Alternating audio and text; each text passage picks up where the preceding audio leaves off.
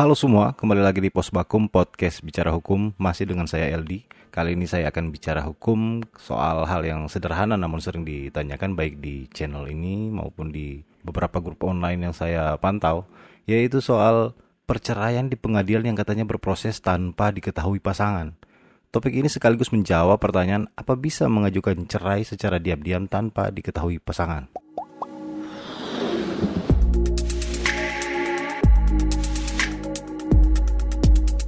Oke, langsung saja soal apakah proses perceraian bisa dilakukan secara diam-diam.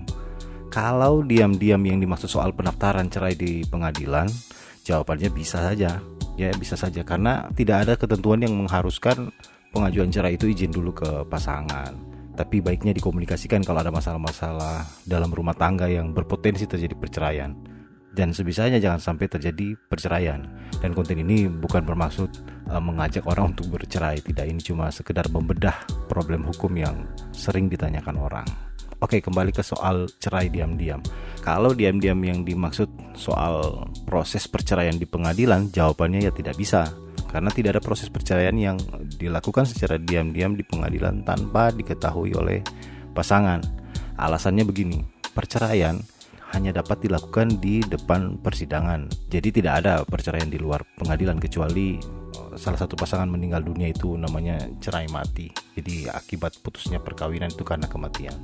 Kalau putus perkawinan karena perceraian harus di pengadilan. Nah, karena perceraian itu harus di pengadilan, maka harus melewati proses atau tahapan-tahapan berperkara di pengadilan mulai dari pendaftaran gugatannya atau permohonan cerainya, kemudian para pihak akan dipanggil oleh pengadilan, baik si suami maupun istri akan dipanggil oleh pengadilan. Kemudian nanti kalau kedua pasangan ini hadir di pengadilan akan ada proses mediasi namanya. Kalau tidak berhasil akan ada pembacaan gugatan, ada jawab menjawab di sana sampai ke pembuktian, bukti surat, saksi dan seterusnya hingga putusan. Nah, itu tadi salah satu tahapan dalam berperkara di pengadilan adalah pemanggilan para pihak baik si suami maupun istri akan dipanggil oleh pengadilan untuk hadir dalam sidang.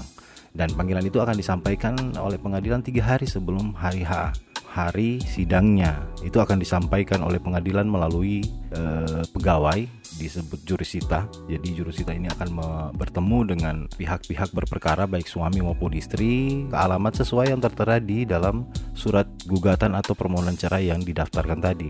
Nah, saat uh, pegawai jurusita ini bertemu, nanti dia akan sampaikan surat panggilannya. Surat panggilan itu biasa disebut relas dan nanti relasi ini akan diminta ditandatangani oleh yang bersangkutan yang dipanggil. Nah, di dalam surat panggilan dari jurusita ini atau relasi ini, di situ sudah tercantum semua siapa yang mengajukan perceraian, uh, nomor perkaranya, kapan didaftarkan, kapan jam dan hari sidangnya itu sudah ada di dalam relas atau surat panggilan yang disampaikan oleh jurusita tadi. Jadi begitu teman-teman, tetap akan dipanggil dengan sendirinya tidak mungkin terjadi cerai diam-diam. Bahkan dalam kondisi yang uh, salah satu pihak yang akan dipanggil saat jurusita datang ternyata tidak ada di rumah Nah, jurusita ini akan bertemu dengan kepala desa atau lurah setempat di wilayah di alamat yang tertera dalam surat gugatan dan surat panggilan itu akan disampaikan ke kepala desa dan diminta untuk segera disampaikan kepada warganya itu yang dipanggil.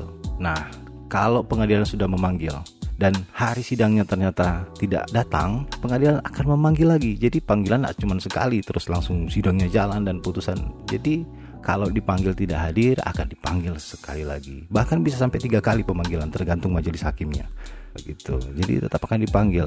Dan teman-teman tak hanya soal jurusita datang orang yang tidak ada, bahkan untuk surat gugatan dengan alamat tidak diketahui itu tetap akan dilakukan pemanggilan oleh pengadilan pemanggilan gaib namanya kalau alamat tidak diketahui. Nah, proses pemanggilannya bagaimana kalau alamat tidak diketahui? Jadi pengadilan akan memanggil dengan menempelkan gugatan di papan pengumuman di pengadilan Selanjutnya mengumumkan lewat media massa baik koran, radio, dan media lainnya. Dan itu dilakukan sampai dua kali dan rentang waktu antara panggilan pertama dan panggilan kedua itu jedanya satu bulan. Jadi kalau pertama dipanggil diumumkan lewat media massa diagendakan sebulan.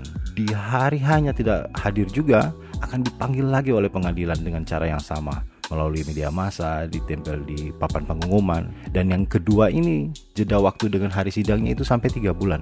Jadi yang pertama jeda sebulan, panggilan kedua jeda sampai tiga bulan.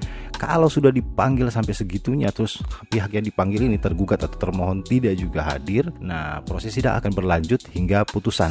Dan diputus verstek istilahnya. Istilah hukumnya verstek verstek itu putusan yang dijatuhkan apabila tergugat atau termohon maupun kuasanya tidak hadir di pengadilan meski sudah dipanggil secara patut jadi begitu teman-teman, si suami maupun istri yang berperkara tetap akan dipanggil di pengadilan. Bahkan sampai alamat yang tidak diketahui pun akan dipanggil lewat media massa. Jadi tidak ada perkara di pengadilan perkara cerai secara diam-diam.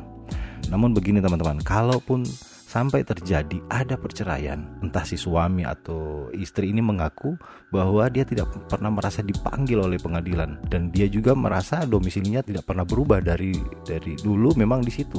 Kalau begitu problemnya ini bisa saja ada sesuatu yang tidak beres. Jadi maksudnya ada yang tidak beres itu bisa saja terjadi kasus semacam ini. Ini cuma contoh. Jadi misalnya si suami uh, menggugat cerai istri.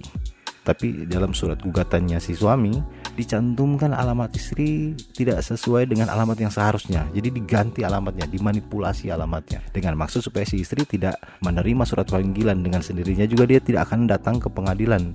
Nah, manipulasi manipulasi semacam ini, manipulasi alamat itu urusannya jadi pidana. Jadi ada penipuan di sana, ada pemalsuan surat mungkin di sana. Jadi ujung-ujungnya bisa penjara dan kasus semacam ini bukan kira-kira ada terjadi Nah, salah satunya kasus manipulasi alamat dalam perkara cerai yang disidangkan di Pengadilan Negeri Parepare tahun 2015. Itu nomor perkaranya 135 PIT B 2015 PN Parepare. Ini uh, datanya atau putusannya saya dapat dari situs Mahkamah Agung. Saya download di sana. Nah, kasus ini uh, pokok kasusnya ada seorang ibu. Dia dilaporkan oleh suaminya dan laporan suaminya ini berproses hingga ke pengadilan. Nah, dalam sidang si ibu didakwa oleh jaksa karena melakukan pidana salah satunya pasal 266 Kitab Undang-Undang Hukum Pidana yaitu pemalsuan surat. Jadi si ibu ini terbukti menyuruh memasukkan keterangan palsu, alamat suaminya dipalsukan dalam surat gugatan dan itu berimplikasi hukum pada alamat dalam surat panggilan jurusita sehingga relas atau panggilan yang disampaikan hingga tiga kali itu tidak pernah diterima oleh suaminya. Sehingga sidang perceraian itu berjalan dan diputus fair stake dikabulkan tanpa kehadiran si suami. Suaminya belakangan mengetahui ternyata ada manipulasi dia melapor berproses dan si ibu itu didakwa dengan pasal pemalsuan. Si ibu dalam kasus pidana ini difonis 8 bulan penjara. Jadi begitu teman-teman contoh kasus manipulasi dalam proses perceraian Oke, uh, jadi kesimpulannya, secara hukum tidak mungkin uh, proses cerai di pengadilan itu dilakukan secara diam-diam. Para pihak akan dipanggil oleh pengadilan. Bisa saja terjadi upaya dibuat secara diam-diam tadi dengan cara memanipulasi, yang mungkin salah satunya memanipulasi alamat uh, pihak yang akan digugat cerai, seperti kasus tadi. Oke, uh, itu saja podcast kali ini teman-teman. Sampai ketemu di episode berikutnya. Salam.